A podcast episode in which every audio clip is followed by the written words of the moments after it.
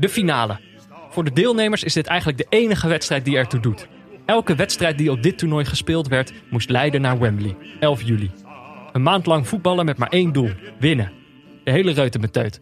Het Europees kampioenschap. De Coupe Henri Delaunay. Voor de neutrale kijker is de druk wat minder hoog. Die heeft zijn portie al gehad. De finale is meer een toetje. Netjes tot het laatst bewaard.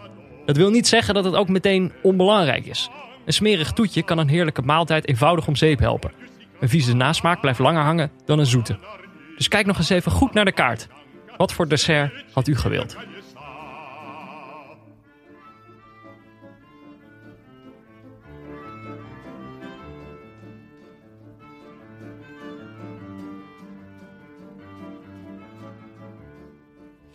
Ja, Jordi? Ja, Peter. Voor de luisteraars eh, is het vanavond zover. Klopt. 9 uur, de, de finale. Een grand finale. Dan moeten wij, denk ik wel, onmiddellijk bekennen dat deze aflevering op vrijdag wordt opgenomen. Waarom? Nou, omdat mochten er zeg maar op zaterdag hele rare dingen gebeuren, dat wij dat nog niet konden weten, omdat het vandaag nog vrijdag is. Jij dacht, we gaan gewoon bluffen en we doen alsof dit Ja, zaterdag natuurlijk, is. man. Ja, maar en je dacht toch even gewoon die twee clowns de schuld.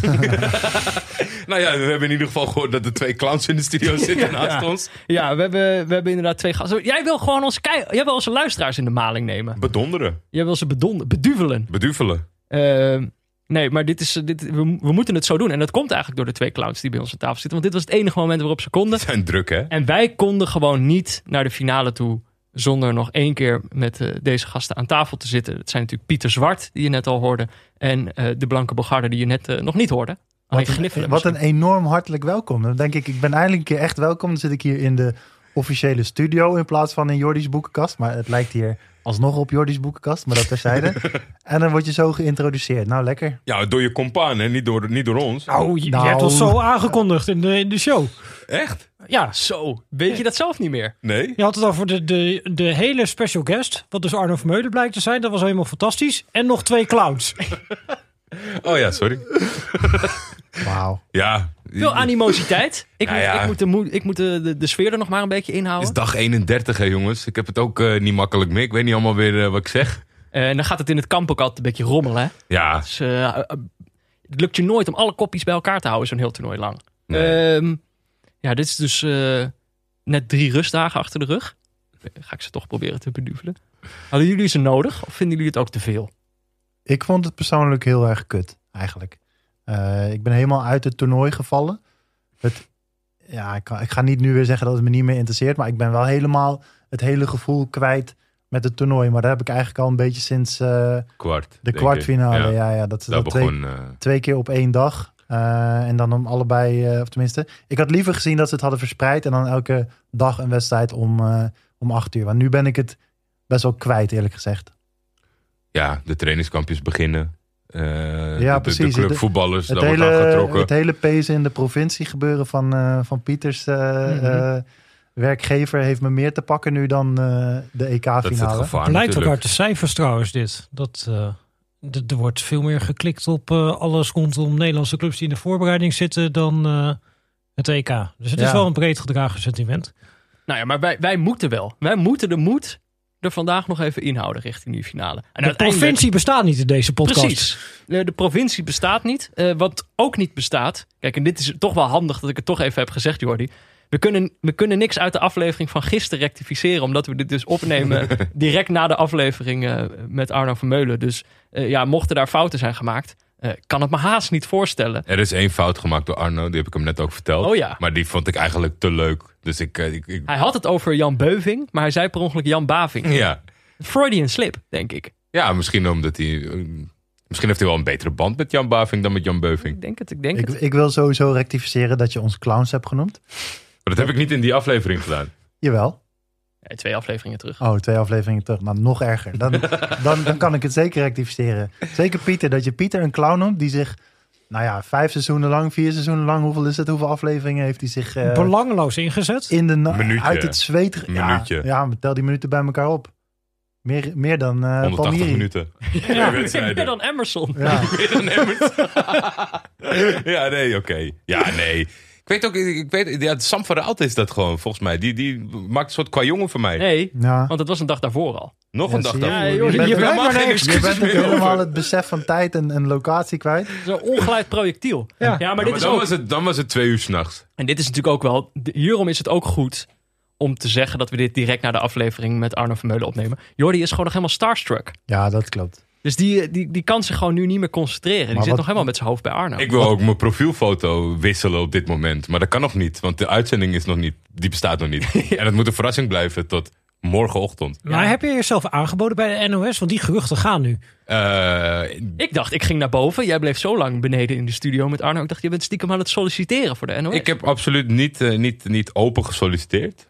Maar ik heb wel het idee dat Heb je mijn nummer? nu, Je hebt wel je nummer zo eventjes. nu hij hier te gast is geweest en kennis heeft gemaakt met mij, dat hij toch denkt in de aankomende periode. Hm, misschien eens checken wat hij gaat doen naar neutrale kijkers. Je weet het niet. Je weet het niet. Verstandig. Binnenkort zit jij in de NOS voetbalpodcast. Oh, dat, ik weet niet of ik tegen, dat, eh, tegen, tegen die ego's bestand ben hoor. Dat is nogal een eh, King Kong eh, setting daar bij de NOS.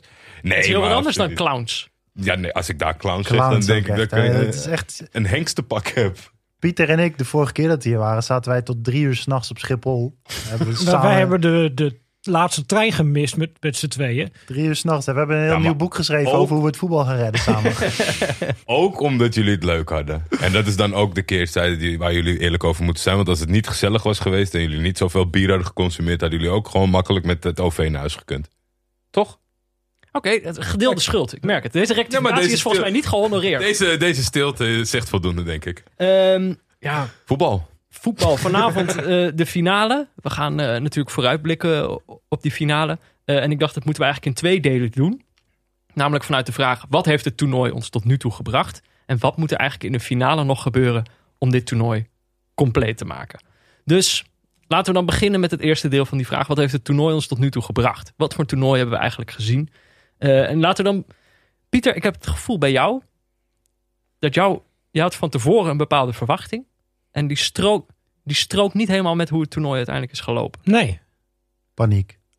Nou ja, paniek, geen paniek. Nou ja, eh, alleen maar goed. Ik had van tevoren de verwachting, omdat je die trend zag in de laatste eindtoernooien. Dat, ja, er was een soort van trendbeweging gaande van steeds minder doelpunten, steeds minder spektakel. En wat dat betreft eh, is er eh, dit toernooi wel echt sprake geweest van een trendbreuk. Dus nou, wat dat betreft ben ik eh, zeer positief verrast eigenlijk door dit. Helaas zag onze trendwatcher die niet helemaal aankomen. Dat zag ik al lang. En deze, en, deze, en deze trend geldt helemaal niet voor Wembley, want daar worden de minste goals gemaakt. Oh, Dus- dus wat dat- oh je wat wel dus- zijn huiswerk gedaan. Wat dat- dat is wat- leuk om Wat te dat zien. betreft wordt die finale, ja, dat wordt toch een beetje een trendbreuk weer. Als Wat, de, wat ik trouwens ook hoorde over, over die het over Wembley hebt, dat Engeland, dat is toch eigenlijk ook wel een eh, neutrale kijkerfavoriet, of in ieder geval favoriet van Peter en mij. Als Harry Kane zijn strafschop had benut, dan was het het doelpunt geweest van Engeland wat van de grootste afstand was geweest van dat toernooi tot dat moment. ja, Dus zeg die genoeg. hebben nooit van vaker dan van verder dan 11 meter gescoord. Zeg genoeg. Hé, maar wacht even. Jij hebt het over trendbreuken. Terwijl ik kan me nog wel herinneren, een beetje in de groepsfase... toen de eerste tekenen van, van dit eh, spectaculaire toernooi zich begonnen te vertonen. Namelijk eh, schoten van buiten de 16 en zo. Dat jij toen zei, dat trekt allemaal nog wel recht. Zeg maar, dat... het wordt, jij zei toen nog, het wordt juist geen trendbreuk. Het wordt wel weer saaier. Wordt het de Pieter Zwart roast? Ja, nou ja. Dan, dan schakel ik even bij nou. Maar dit, is, dit, zegt toch, dit zegt veel over wat voor een toernooi we eigenlijk hebben gezien. Eerst worden we aangekondigd als clowns, nu worden we weggezet eh, inhoudelijk als clowns. Ik niet. Nou ja, dat, eh, ja, tot op zekere hoogte heb je niets gezien, nee. En tot op zekere hoogte ook alweer wel. Tenminste, ik denk dat je in bepaalde wedstrijden wel weer hebt gezien dat het wat meer eh, schaken op een Ja. eh, voetbalveld eh, is geworden. Maar ja, misschien ook mede ingegeven door eh, die lange verlengingen, dat ze dan toch ook niet helemaal volhouden. En ik denk dat die terugkeer van het publiek, dat het toch op de een of andere manier eh, wat gedaan heeft. eh, Dat met is jouw verklaring. Ja, in combinatie met veel vermoeidheid van de spelers. En ik denk dat het ook wel heeft geholpen dat bepaalde teams misschien op een enigszins ongelukkige wijze relatief vroeg het toernooi uit zijn gegaan. En andere teams door zijn gegaan. Hm. Zeg maar, als Frankrijk verder was gekomen in het toernooi, had je misschien ook een ander toernooi gehad. Omdat toevallig Mbappé de laatste strafschop mist. Ik denk dat dat ook wel voor uiteindelijk de toevalsfactor daarin ook wel een bepaalde rol gespeeld heeft. Er is toch ook eh, er is toch een toernooi dat redelijk bekend staat omdat het een complete outlier is. Welk toernooi was dat ook alweer? 94? Nee, ja, 94 inderdaad. 94, ja, dat ja. was eh, aanvallend was dat een complete outlier, omdat er net inderdaad een eh, regelwijziging was eh, geweest. En ja, toen kreeg je daar totaal ander voetbal te zien dan... eh, Terugspelbal? ja, de terugspeelbal Ja. inderdaad eh, ging toen eh, na het EK van 92 eraf. Maar het EK 92, dat was ongeveer het eh, meest negatieve toernooi ooit.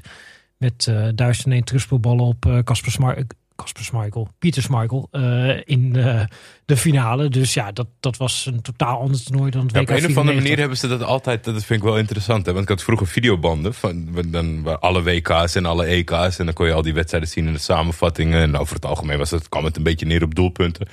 Maar in al die bandjes van de FIFA en UEFA, daar werd die oneindige terugspeelbal werd daaruit geknipt. Pas veel later met zo'n herhaling van zo'n toernooi, dat ze dan 88 nog een keer gingen uitzenden in de grauw. Dan zag je gewoon dat ze 40 keer per wedstrijd gewoon zo'n balletje naar de keeper en die pakte hem dan op. En dan rolde hij hem naar een ander. Maar dat was zo traag. Maar Ongelooflijk traag. mag dit eh, toernooi in dat rijtje komen staan? Mag, is dit ook een out- outlier of is het ook weer niet zo spectaculair? Nee, ik denk meer dat het een EK 2000-achtig toernooi is. Waar ook best veel eh, gescoord werd eh, op dat eh, EK. Meer dan op een gemiddeld EK. Zonder dat dat nou direct ervoor zorgde dat het WK 2002 of het EK 2004 extreem spectaculair werd. En voor jou, de Blanke Bogarde, wat voor een toernooi heb jij eigenlijk gezien? Nou, ik ben eigenlijk wel een beetje in shock. Want ik kwam er dus net achter dat er geen wedstrijd meer is om de derde plek. Nee, geen troostfinale. Maar waarom niet? Die is er Die is er nooit, nooit op een bij een EK. EK. Maar waarom niet? Ja, maar dat, is toch juist leuk? Nee, maar die wedstrijd moet sowieso bij een WK ook weg. Maar toen eh, Turkije is ooit derde geworden op een WK, toch? Ja, maar ja. Vond je dat niet leuk? Nee. Nou ja, ik vind dat juist altijd huilen. wel... Dat had ik, nou- ik, ik zat een beetje te denken van... eh, dan heb je zaterdag die wedstrijd om de derde plek. Weet ik veel dat dat op Ja, maar het is gewoon, het is gewoon, weet je, als je, als je zo dicht bij de finale verliest, dan wil je, ik geloof helemaal niet, het is altijd een beetje ook, ja, op het WK heb ik toch het idee dat er vaak een soort van verrassings, verrassingselement in zit bij wie dan derde wordt of tot derde kan Ja. spelen en dat je dat dan maar omarmt.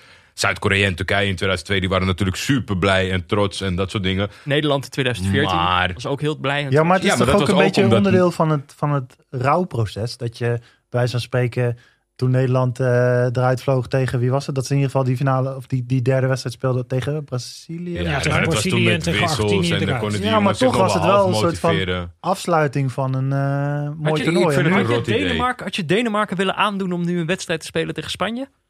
Ja, zeker. En mijzelf als kijker ook. Dat leek me wel leuk. Denemarken nog even één keer alles of niets. En nu, nu gaan ze zo, hup. Ja, leuk, bedankt dat je hebt meegedaan. Doei. Ik vind het een beetje eh, Oké. Hard, zeker voor Mm. Denemarken. Maar... Ze gaan niet de regels aanpassen voor Denemarken. Maar ik keek daarnaar uit en het bestaat niet. Dus ja, ik ben eh, teleurgesteld. Maar dit is eigenlijk, dit is, dit, dit is toch niet echt antwoord op mijn vraag? Had je een vraag? Ik wilde gewoon mijn mening even spijen.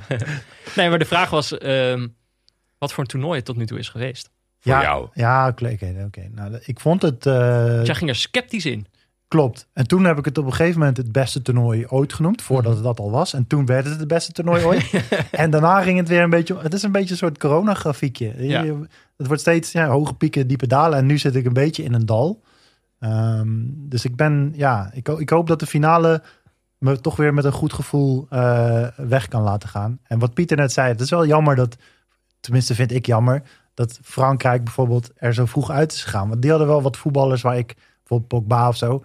Je hebt nu, en P3 is er nu ook uit. Je hebt een beetje de echte goede, mooie voetballers. Waar je met plezier naar kijkt. En dan hè, dat je zo'n highlight reel kan maken op YouTube. Van, van eh, drie Mhm. minuten met een Eurotrends eh beatje eronder. Dat is een beetje, die spelers zijn allemaal een beetje weg. Eh, je hebt Sterling nog wel. Ja, maar die spelers zitten ook toevallig allemaal in landen die niet zo super positief voetballen. Dus wat dat betreft, weet je, ja, op individueel niveau jammer. Het is Ja. echt jammer, want Pogba zou, denk ik, ongetwijfeld speler van het toernooi gaan worden. Ja, maar nu kan dat niet Maar ja, meer. hij speelt wel in een, in een rot elftal om naar te kijken. Dus hoe erg vind ik het? Echt jammer voor hem individueel. En jammer omdat ik niet het idee heb dat Solskjaer deze Pogba weer gaat, eh gaat, gaat ja, maar als je nu, nu naar de finale kijkt. Wie is er dan een speler? Ja, nu- Maguire. met- Ja. Maar is er, is er een speler qua techniek of, of wat gewoon... Hè, waarvoor je naar het stadion komt? Eh, Zit hij daar in een van die teams? Sterling, ah, tot op zekere hoogte. Hè, dat wel een Kan. beetje kan. Kan als je, Dat, maar dat is ook wel zeg maar, het als je zakelijke. door je wimpers kijkt. Is ook wel het Pep Guardiola spektakel, zeg maar. In, in die zin. Dus het is niet echt heel spectaculair. Maar ja, in ieder geval wel veel, eh, hoe heet dat, take-ons. Pieter, Ja, je wat, krijgt- hoe je je dat? krijgt, Take-ons? Ja, dribbles. Ja, dus dat Ja. heeft hij wel veel.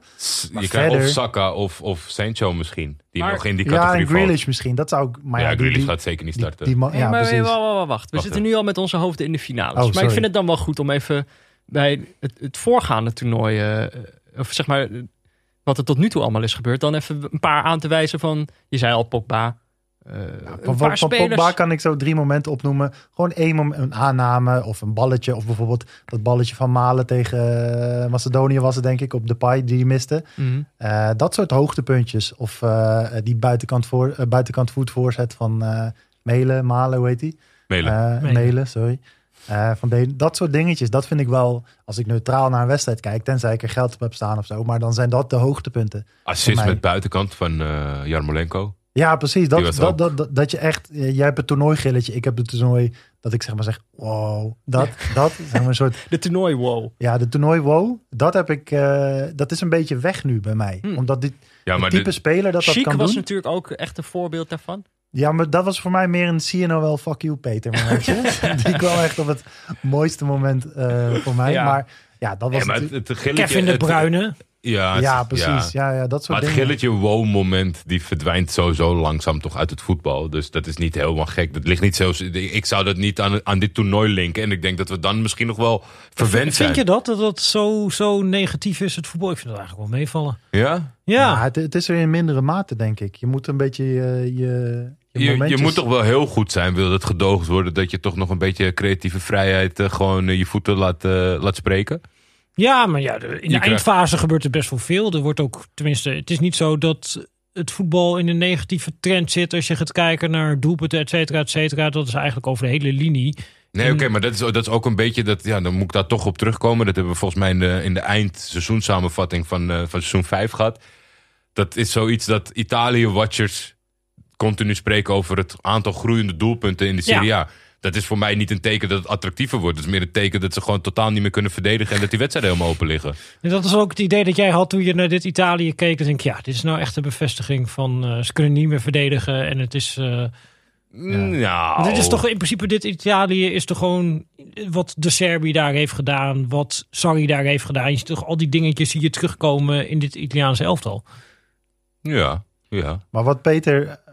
Maar, nu in de finale, als hij het rijtje opnoemt van welke speler kan je voor zitten voor schrillen. Of dat hij iets, iets niet binnen de lijntjes doet. Of in ieder geval dat hij iets uitvoert wat geen taak is.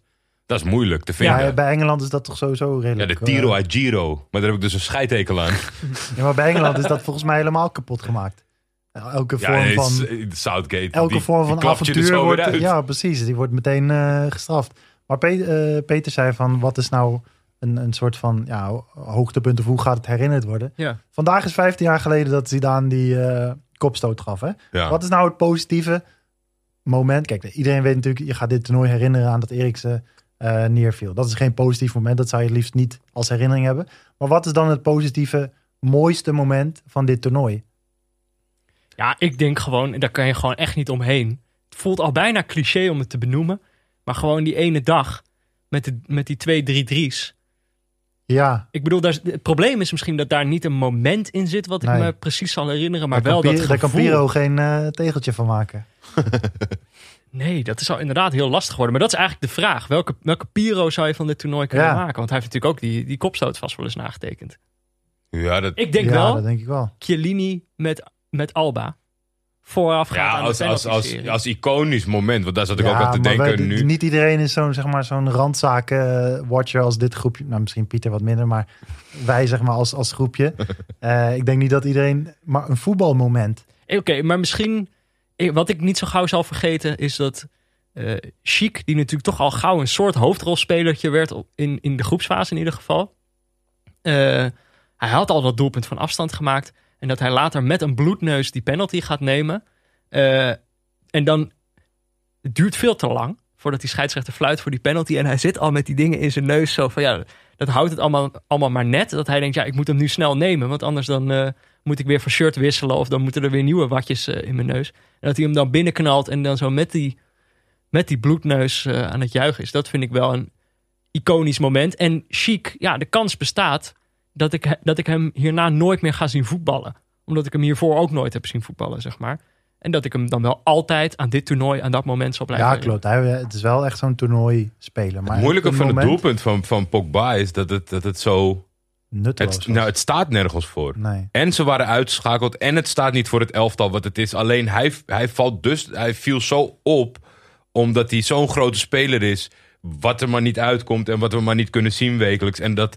Weet je, ik had wel echt het idee. En daar was ik wel blij om in de algehele tendens. Dat iedereen blij was om te zien. Wauw. Deze gozer kan nog steeds heel goed voetballen. Maar dat is gewoon zo lang verstopt gebleven. Alleen het jammer is. Er zit niks in. In de breed, breder gezien. Want hij staat voor niks. Jammer genoeg dit toernooi.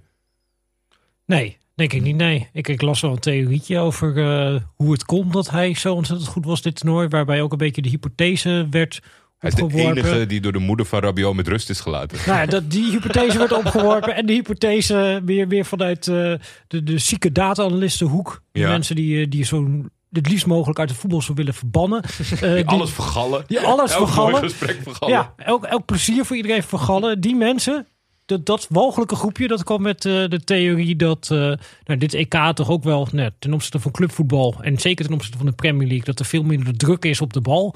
En dat dan een speler als Pogba, zoals hij ook in Italië heeft geschitterd, dat hij beter tot zijn recht komt. Op Dus hij is helemaal hij, niet zo goed. Want hij kan helemaal niet presteren onder druk. hij heeft eigenlijk, als hij meer tijd heeft, heeft hij meer tijd om zijn trucjes te doen. En dan kunnen we meer genieten van Pogba. En dan kan hij die bal over de hele geven. En als hij de ruimte daarvoor niet heeft, dan komt het er ook minder uit bij Pogba. Maar dat is toch sowieso een goed, lijkt me een goede ontwikkeling. Want Dat is ook, jij speelt eh PES toch? En ik speel Ja. eh, sinds een tijdje FIFA. het verschil, bij, bij FIFA kan je heel makkelijk druk zetten. En dan krijg je van die pingpong voetbalwedstrijden. Waarin het erom gaat of je zo snel mogelijk die bal weg kan pasen van een aanval. Jij zegt het, ik heb geen idee. Oh, ja, je speelt het niet. Maar dat is een beetje voor mij het verschil tussen PES en FIFA. Bij PES kan je lekker mooi hè, balletje onder de voet. Even rustig, eh weet je dat? Liberootje uithangen, balletje aan de Mhm. voet, eh, links, rechts geven. FIFA is dat niet. Het nieuwe voetbal, of het moderne voetbal is meer FIFA. Gewoon, je kunt makkelijk eh, vijf verdedigers, met één druk op de knop zet je gewoon vijf verdedigers. Park de bus is gewoon een formatieoptie in FIFA. Ja. Eh, en in PES is dat allemaal niet zo makkelijk. En gaat het meer om wat jij doet met de bal aan je voet. Eh, dat is mijn analogie voor het moderne Ja, voetbal. dus het is meer. Het We is- hebben eigenlijk in een FIFA-tijdperk naar een PES-toernooi zitten kijken. Ja, ja, een hele mooie samenvatting. Wauw. Daarom vind ik het zo goed. Ja, maar ik- vind het ook, ik vind het wel gewoon ernstig. Want dat is, kijk, die data jongens, eh, die, die, eh, die snappen het allemaal wel een beetje. Maar ja, toch wel, als je niet onder druk kan, als je niet kan voetballen, als er druk op je wordt gezet, dan ben je dus misschien niet zo goed. Dat, Ja, maar- dat, is, dat vind ik zo pijnlijk. maar, dat, ja, maar dat is eigenlijk ook een verkapte belediging naar alle grote voetballers uit het verleden. Die stonden ook niet zoveel onder druk. Nee, ja, oké, maar dat, dan, weet, dan weet je het niet. Nee, nu nu weet je het. Ja. Nu is het gewoon, oké, onder druk zien we helemaal niks van hem. Zonder druk is hij fantastisch. Ja. Kijk, bij die anderen kan je allemaal nog iets verzinnen in de tijdsgeest. De, de andere voetballers werden ook niet onder druk gezet, zeg maar. Kan je nog, kan je nog een beetje redden. Dan zou je nog kunnen zeggen, inderdaad, hij had er nu nog steeds bovenuit gestoken. En nu zeg je, ja, maar we hebben het toch gezien in de Ja, Premier maar League. pff, we moeten misschien niet te veel mensen uit het verleden eh, aanhalen. Nee, want je, ik weet je nog hebt de, vorige keer Willem van Hanegem eh onder de de, bus vorige gegooid. keer over eh, de Roon beter dan Van Hanegem. Dat is niet lekker gevallen in het Rotterdamse. Ehm, en dan ben ik toch ben ik eigenlijk wel benieuwd, Pieter. eh, ik, ik keek wel eens 's ochtends naar. Als ik wakker werd, dan begon zo ongeveer de talkshow van VI. Dat was echt uitstekend. En dan Het begint om zo- 12 uur of zo. toch? Nee, tien Nee, uur. tien uur. Oh. Tien uur. Oh, dus dan als wij sorry. tot, tot twee uur hebben opgenomen, vind ik dat een, eh, vind ik dat een prima tijd. Was ik al 3,5 uur aan het werk. Maar ga door. Ehm, maar dan, eh, daar, daar schoof je ook wel eens aan. Ja, Eh, en dan vond Ook ik, nog. wat ik dan altijd wel, ja, ook nog, kan je nagaan. En dan ook, toch ook nog minuutjes maken voor ons. ja. Ehm, Daar maar, hoor je de mensen niet over. Nee, precies. Maar dan, eh, eh, dan viel mij soms wel eens op, bijvoorbeeld na Italië-Spanje. Je zei, dit is de beste wedstrijd die we hebben gezien. Terwijl als neutrale kijker, die, die denk ik toch net op een andere manier eh, kijkt dan jij, eh, hadden wij dat gevoel niet. Dus dan ben ik wel heel erg benieuwd als jij nu terugkijkt op het toernooi. eh, je mag ook over, over die wedstrijd beginnen, maar wat waren voor jou dan echt de hoogtepunten? Nou, dat vond ik inderdaad wel de beste wedstrijd kwalitatief van het toernooi. Ik heb van die pool des doods die er daarna allemaal snel uitlagen. Daar heb ik ook wel echt genoten van die wedstrijden. Duitsland tegen Frankrijk, echt een goede wedstrijd, hoog niveau. Portugal tegen Duitsland was ook een goede wedstrijd, hoog niveau. Ja, en daarna heb je in de knock-out fase denk ik ook te weinig echt een topteam tegen een topteam Ja. gezien. Waardoor je ook een bepaald soort voetbal krijgt. Zeg maar. Ik denk dat Spanje tegen Frankrijk was een veel leukere wedstrijd geweest dan Spanje tegen Zwitserland. Dan kunnen mensen het ontzettend leuk hebben gevonden dat Frankrijk eruit vloog tegen Zwitserland. Maar daarmee werd je wel eigenlijk bekocht van een andere leuke wedstrijd. Omdat ja, Zwitserland ging gewoon niet echt iets doen. Dan moet Spanje het spel maken. En ja, je zag pas hoe leuk Spanje kon zijn op het moment dat je tegenstander hebt die ook iets wil doen. Eh, En anders, ja, ze zetten druk en dan spelen zij de lange bal. En dan heb je de bal bij je eigen doelman. Eh, ja, en dan moet je van achteruit gaan opbouwen. En die teams zijn ook niet zo slecht georganiseerd dat je er even doorheen voetbalt. Dus je Maar wel... Spanje hebt dan ook een Pogba-probleem. Hoe bedoel je? Nou ja, als, het, als, een, als de tegenstander geen ruimte biedt, dan kan Spanje het niet. Nou ja, Of moeizaam. Dat het- is ook wel een beetje zo. Nou ja, het is meer. eh, ik heb het hier ook wel eens met eh, eh, Peter Bos over gehad. Die kwam ook inderdaad. Die zei van ja. Dat speel-. Nee, van name dropping. Maar To the nee, max. nee, ik moest hier even aan denken. Omdat, eh, Ik heb eh, net met Arno Vermeulen gezeten, Pieter. Nee, ja, heel, heel, heel leuk. Wat zei Arno erover? Nee, ga door. Bos. Nee, ik moest er even aan denken. Omdat eh, eh, die, die beklaagde zich in dat gesprek over van, ja, dat zij dat ook wedstrijden speelden. En dan is het eerste helft speel je tegen zo'n goed georganiseerde tegenstander. Eh, en eigenlijk gaat het er dan om van, ja, je moet eigenlijk de eerste 30, 35 minuten moet je gewoon de bal laten gaan. Die tegenstander ja, moet dan steeds grotere afstanden belopen. En dan in die laatste 10 minuten voor de eerste helft. En in de laatste fase van de tweede helft krijg je op een gegeven moment de ruimte. Eh, maar tot die tijd kan het eigenlijk niet. En als je wel die risico's neemt, dan loop je Ga tegen een zelf, counter op. ja. Eh, en dan roepen mensen, eh, hij beklaagde zich erover, daar moest ik aan denken. Van ja, en dan komen ze in de rust bij die analisten, zegt Bosland. Ja, die zeggen dan, de, ja, ze moeten de bal sneller laten rondgaan. Maar we laten die bal heel goed snel rondgaan. Alleen die tegenstander is ontzettend goed georganiseerd. En als ik wel die ballen speel en sneller diepte zoek en die bal verlies en tegen de counter aanloop, dan ben je naïef. Weet je wel, dat is een beetje eh, Ja, de, het is ook gewoon, afweging. gewoon, gewoon lastig. Alleen ja, je en kan toch druk zetten niet- heeft ook geen zin. Als betere partij kan je, ja, jammer genoeg, je, je kan je er niet achter verschuilen slash over beklagen dat een tegenstander niks doet omdat hij zwakker dan je is, zeg maar. Nee, zeker niet. Maar dat maakt het wel, wel lastig. maakt het wel lastig inderdaad. Het is in dat soort wedstrijden denk ik toch altijd een tijd investeren om uiteindelijk dan die ruimtes voor jezelf te creëren. Maar die tijd dat jij aan het investeren bent, ja, dan zit je als een neutrale te kijker te kijken en dan denk je, wat gebeurt er eigenlijk? Dan zeggen wij saai, Ja, saai. Ja. Eh, maar wat heb jij dan gezien, bijvoorbeeld in die halve finale, wat jij niet zo gauw zal vergeten? Waarvan je, wat je altijd zal onthouden van, dat gebeurde in die wedstrijd. nou, Spanje-Italië. ja, nee, zeker. Ik, Pedri. eh, ja, P3 was... eh, Allemaal aangekomen, die passes. Ja, dat kan, kan ik niet vaak genoeg horen. nou ja, Er waren P3 zelfs meer passes aangekomen dan hij gegeven had. Dat is zo absurd. Nee, maar dat, kijk, dat, dat is een beetje de. Dat merk ik, dat er een, een kamp anti-Spanje is en een kamp voor Spanje. En het kamp voor Spanje is een, meer een beetje de, de hoek van, van Pieter. Mensen die er wat meer eh, tactisch en inhoudelijk naar kijken. En mensen die kijken voor het vermaak. Maar Pedri is denk ik de brug Ja. tussen die twee mensen. Want dit heeft de neutrale kijker tussen die ook twee gezien. groepen. Ja, precies. Pedri is dan de brug die mensen hè, die Spanje leuk vonden en mensen die Spanje eh, kut vonden bij elkaar brachten. Want daarvan zijn er weinig mensen, denk ik, die zeggen: Nou, dat hoeft van mij niet. Pedri met die balletjes allemaal. Toch? Ik bedoel, je kan niet zeggen dat je Pedri dat dat jou tegenstaat aan Spanje. Nee, Dan ik kun je vind er ook- nog tien andere noemen. Ik vind ook zeg maar dat hij is in heel korte tijd eh, symbool gaan staan voor zeg maar eh, een bepaald type spel. Dat ik vandaag nog iets uit de voorbereiding, ja sorry, dit valt even buiten het EK-universum. Nou eigenlijk niet. Wow, dat mag niet. Nee, het valt er eigenlijk binnen. Ik denk dat ik dat kan verantwoorden. Oké.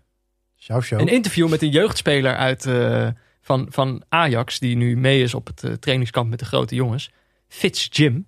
Die dan in een interview zegt van ja, dat hij nu bij eh, zeg maar eh, het eerste elftal, dat het heel anders voetballen is, omdat je dan gewoon tegenstanders tegenkomt die veel sterker zijn.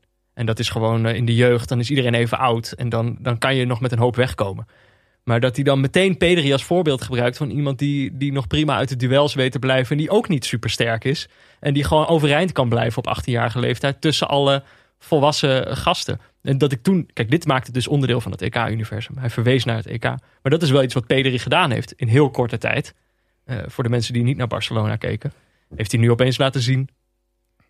Heeft hij, kan hij dus jonge, wat meer tengere spelers inspireren om het eh, toch te halen.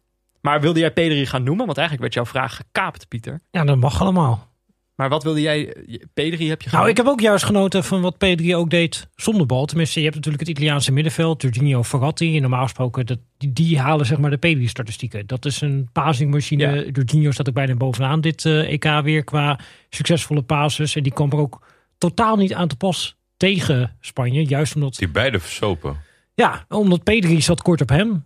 Eh, en de- daar werd echt goed druk gezet. Koken, die zat heel kort op eh Verratti. En Busquets eh, op eh Barella. Coquet, die zat er heel kort op. En dan zeg maar het, het patroon, zeg maar. Ik zou het bijna het Ajax-patroon willen noemen. Zeg maar met de rechtsbuiten die druk gezet op de linker centrale verdediger. En dan het achterin ook achter durven te laten. Zeg maar. dit, dit, dit is iets wat bijna niemand meer durft. Zeg maar, je speelt tegen Italië. En al die, al die mensen die gaan Italië analyseren. En die denken, ja, die vollen aan met vijf spelers. Met eh, Spinazzola, die eh, is, wordt dan linksbuiten, in dit geval Emerson. Insigne, die heb je dan nog bij Barella. eh, de spits Immobile, rechts Bogardi of Chiesa. Ja, dan moeten we daar eigenlijk vijf verdedigers tegenover zetten. De meeste teams komen tot die denkwijze. En Spanje, dat dacht, ja, maar wij gaan daar gewoon druk op zetten. En dan prima dat ze daar eigenlijk vijf tegen vier staan, eh, aanvallend. Maar wij denken dat we die bal kunnen veroveren en dat we ze daar vast kunnen zetten. En vanuit daar tot kansen kunnen komen.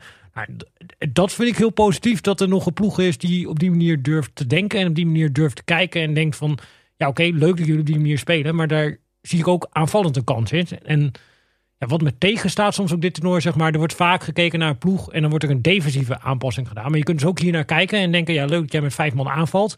En ik ga dat zo onder druk zetten dat ik daarna ga profiteren van de ruimtes die jij daarmee weggeeft. Je kunt ook naar een team kijken en dan volgens kijken, hey, waar zijn eigenlijk hun zwaktes en hoe kan ik daar aanvallend van profiteren? In plaats van dat je alleen maar kijkt met de blik van, ja, oh ja, dat kan allemaal problemen opleveren. Laat ik maar zoveel mogelijk zekerheid inbouwen. Je kunt het ook aanvallend doen. En dat is wat die wedstrijd ook mij een beetje gegeven heeft. Van oké, ja, dit is ook gewoon een optie om het te doen. En dat Ja. kan ook best wel heel succesvol Dus zijn. als ik het, Ja, ja, nee. als ik het doorvertaal naar de finale, verwacht je er niet zoveel van. Nee, ik verwacht heel weinig van de finale. Oei. Dus het zal wel een hele spectaculaire finale worden nu. Maar eh, Nee, maar wat Ik heb een klein beetje stilgestaan bij het feit van, zeg maar, bij de, ik, terecht dit verhaal. Maar dat is ook omdat, zeg maar, de belangrijkste speel was er niet. En die werd vervangen door iemand met 90 minuten in de benen, zeg maar. ja, Heb, heb je nog het idee, had Spanje, had het Spanje zo, eh, was het zo goed uitgepakt? Het is helemaal niet goed uitgepakt, maar in, in optisch in het veldspel als Spinazzola erbij was gebleven?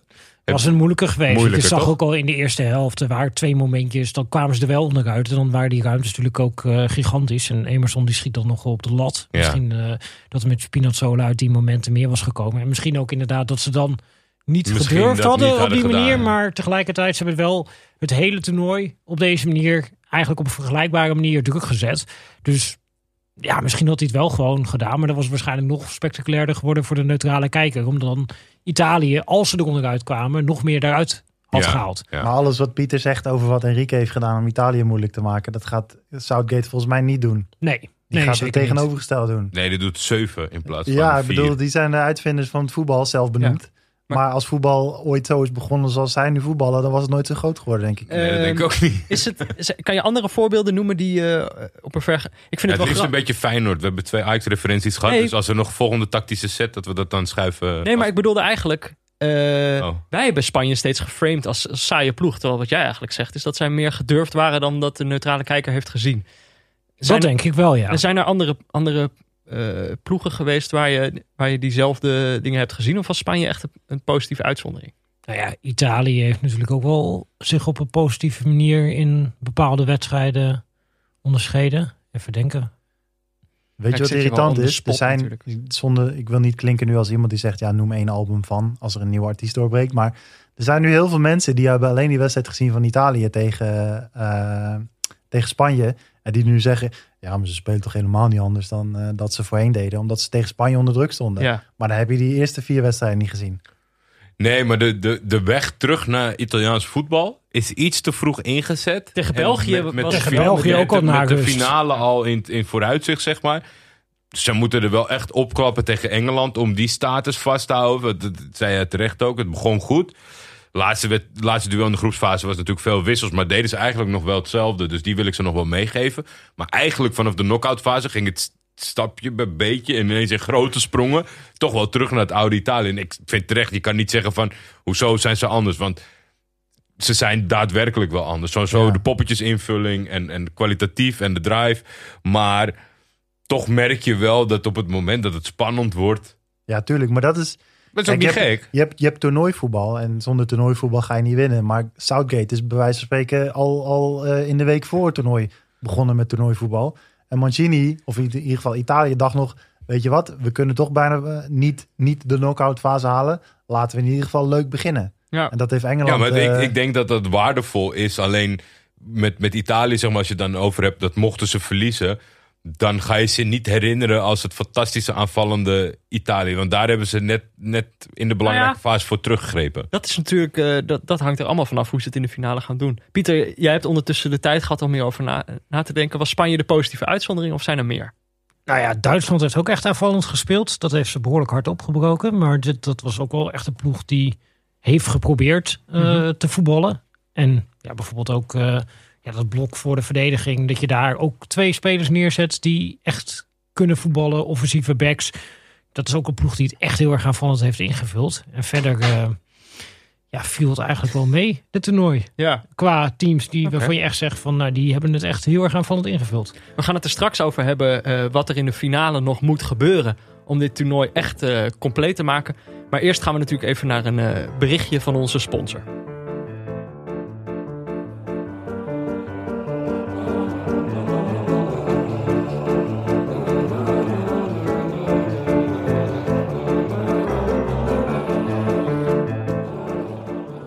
Ja, want ook deze aflevering van Neutrale Kijkers wordt natuurlijk mede mogelijk gemaakt door Auto.nl.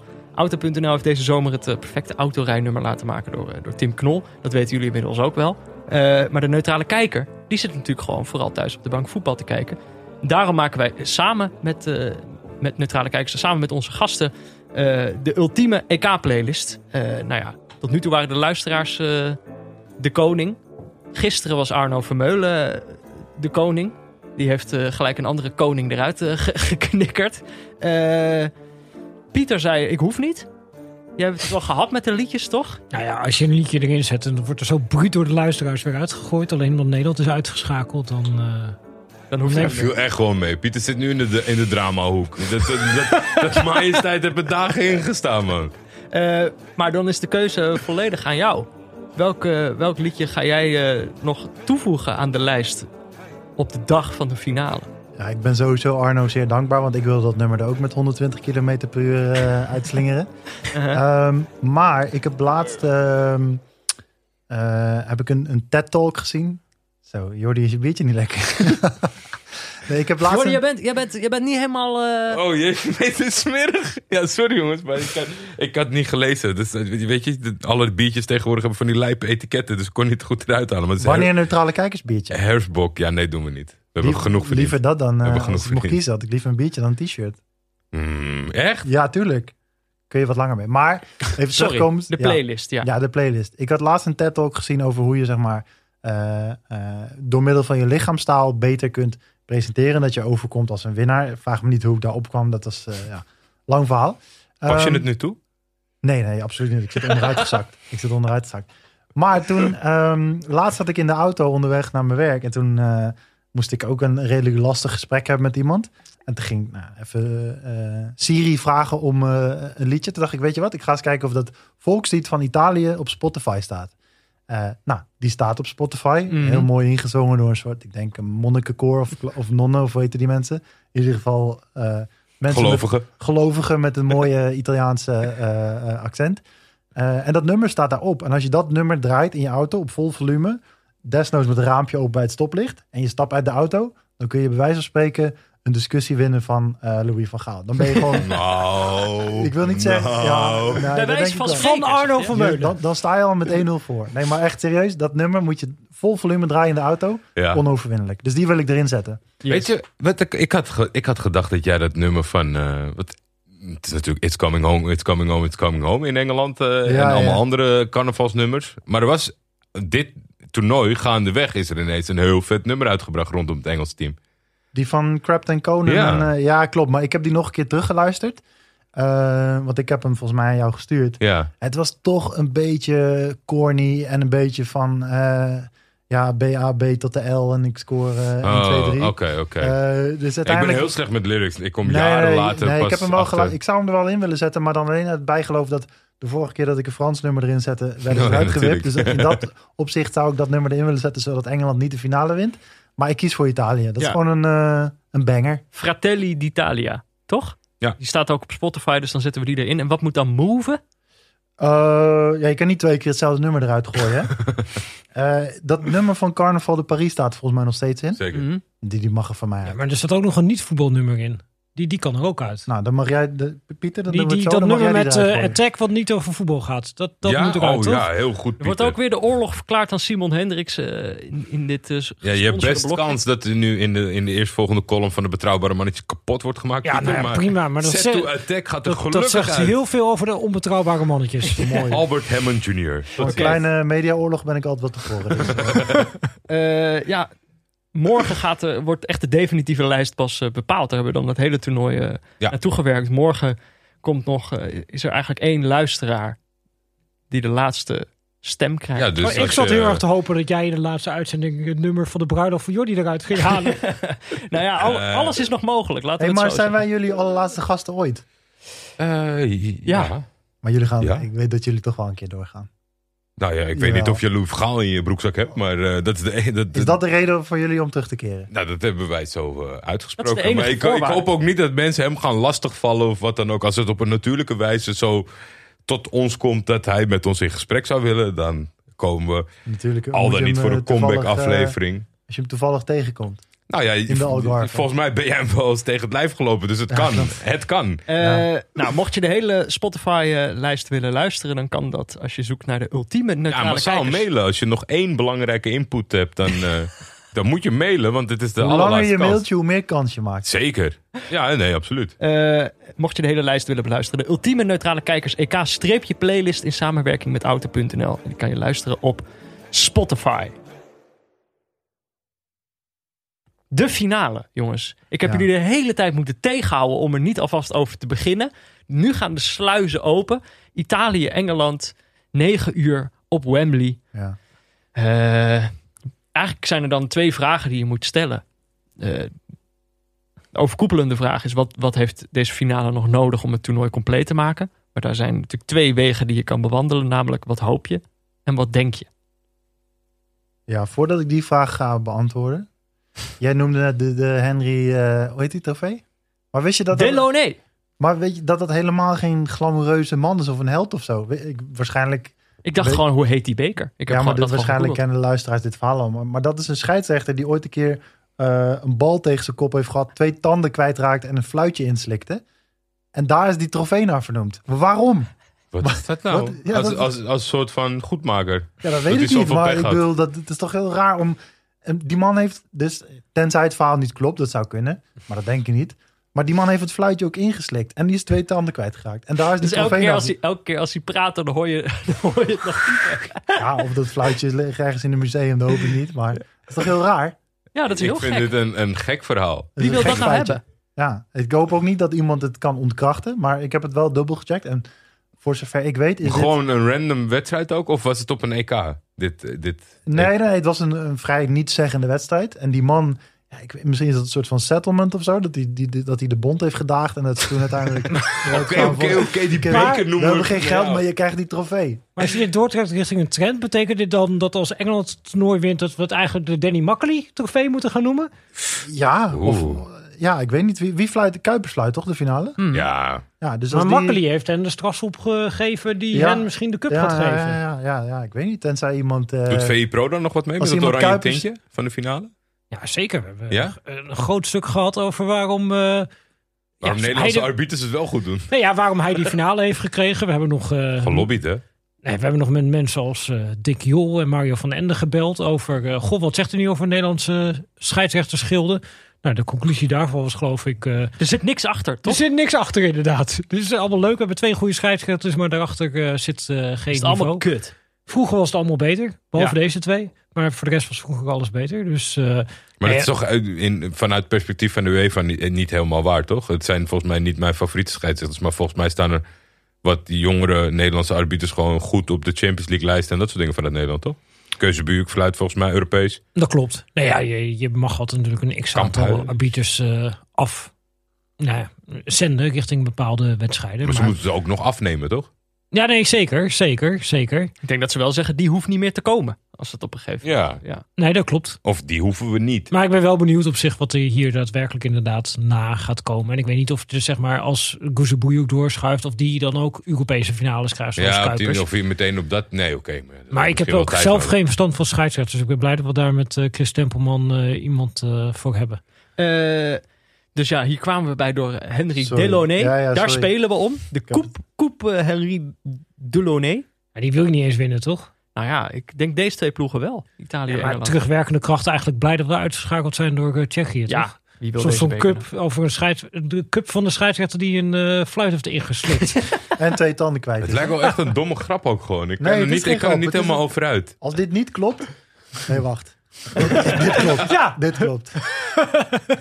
Oké, maar dan, dan, dan blijven de vragen over wat hoop je en wat denk je. Hoe, hoe moet dit toernooi compleet gemaakt worden? Dit toernooi kan eigenlijk alleen nog maar gered worden door een overwinning van Italië. En dat meen ik serieus. Engeland, ja, ik zei het net al, als Engeland zeg maar, het voetbal heeft uitgevonden, dan was het nooit zo groot geworden als dat het voetbal is waar ze mee begonnen zijn. Ik vind het niet leuk om naar te kijken. Eh, er is geen enkele voetballer in het Engelse elftal waarvoor ik zou wakker blijven. Ik heb sowieso al moeite met wakker blijven, zal ik er zelf maar in koppen. Eh, Net op tijd, net op Oké, tijd. misschien. eh, Harry misschien Maguire. ja, oké, maar dat is meer omdat het een raar fenomeen is. Gewoon een, een heel iets. Ja, dat is gewoon een enigma of gewoon iets waarvan je denkt: dit is apart, daar ga ik op letten. Ehm, Sterling, denk je, ja, oké, dat is dan wel een soort van hoogtepuntje. Om de hoek geboren, hè? Ja, om de hoek geboren, inderdaad. Prachtig. Wembley, eh, eigenlijk, feitelijk is het geen Engelsman, maar hij komt uit Jamaica. Eh, maar dat terzijde. Eh, Had hij het EK nooit meer kunnen winnen? Nee, klopt, klopt, klopt. Maar verder is het niet zo'n leuk team. En de enige Grealish, die gaat natuurlijk ook bij elke keer dat hij niet mag spelen of elke minuut die voor- van hem Wordt wordt hij groter. afgenomen, wordt hij groter. Hè, uiteindelijk is het ook gewoon een armoedige eh bekken met die, met die boogjes. Maar het is wel een leuke voetbal om naar te kijken. Maar de rest van Engeland, mijn persoonlijke mening, ik hoop niet dat ik hier iemand mee boos maak. Ik vind het niet leuk om naar te kijken. Bijvoorbeeld Calvin Phillips, zijn mensen heel enthousiast over. Ik kan me alleen maar ergeren aan hoe hij beweegt. Eh, dat is ook een soort van rare fetish voor mij, dat ik kijk naar hoe spelers... Gek loopje. Hij heeft een heel gek loopje. Zijn zwaartepunt of zijn middelpunt van zijn lichaam zit bij zijn knieën.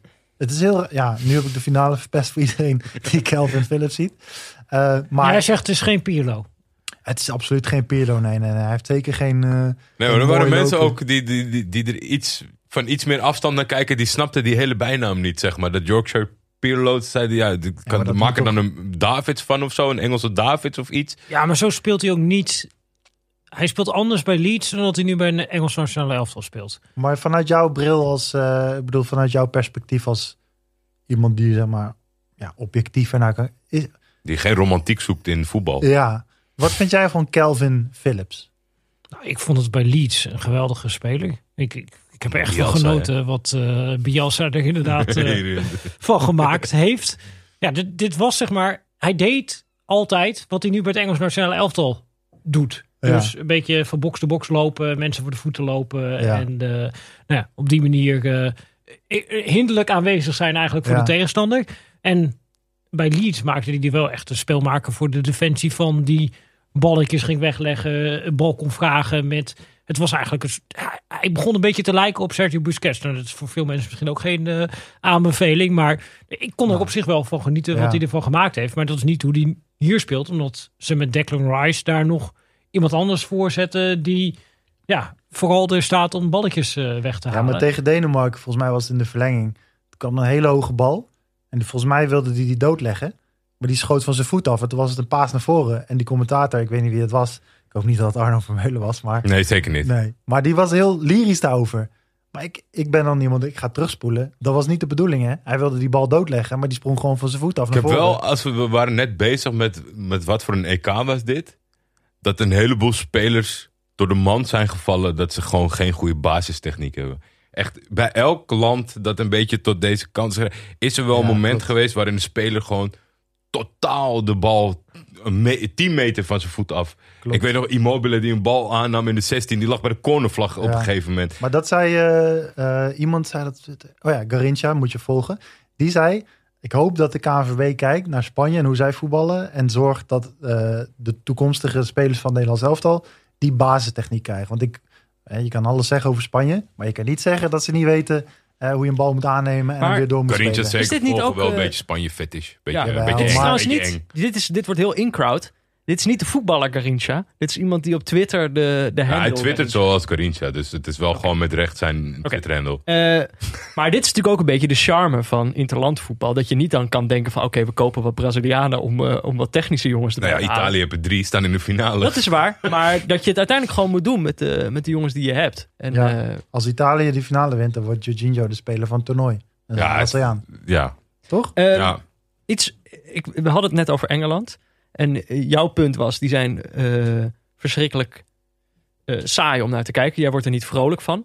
In, in het kader van, kijk, wij moeten echt Het is ons nog best misschien doen. wel meer de opvatting, toch? Dan Ja, dat maar ze daadwerkelijk ja, zijn, hele- maar de, de Nee, opvatting maar hier is, genoeg negatief. over gezegd. We Nee, gaan niet, ik- dit wordt niet de Engeland Bash Show. Dat is genoeg Die hebben we al gemaakt. Ik wilde juist Pieter eigenlijk de kans geven. Ik denk als iemand dat, dat kan, is hij het.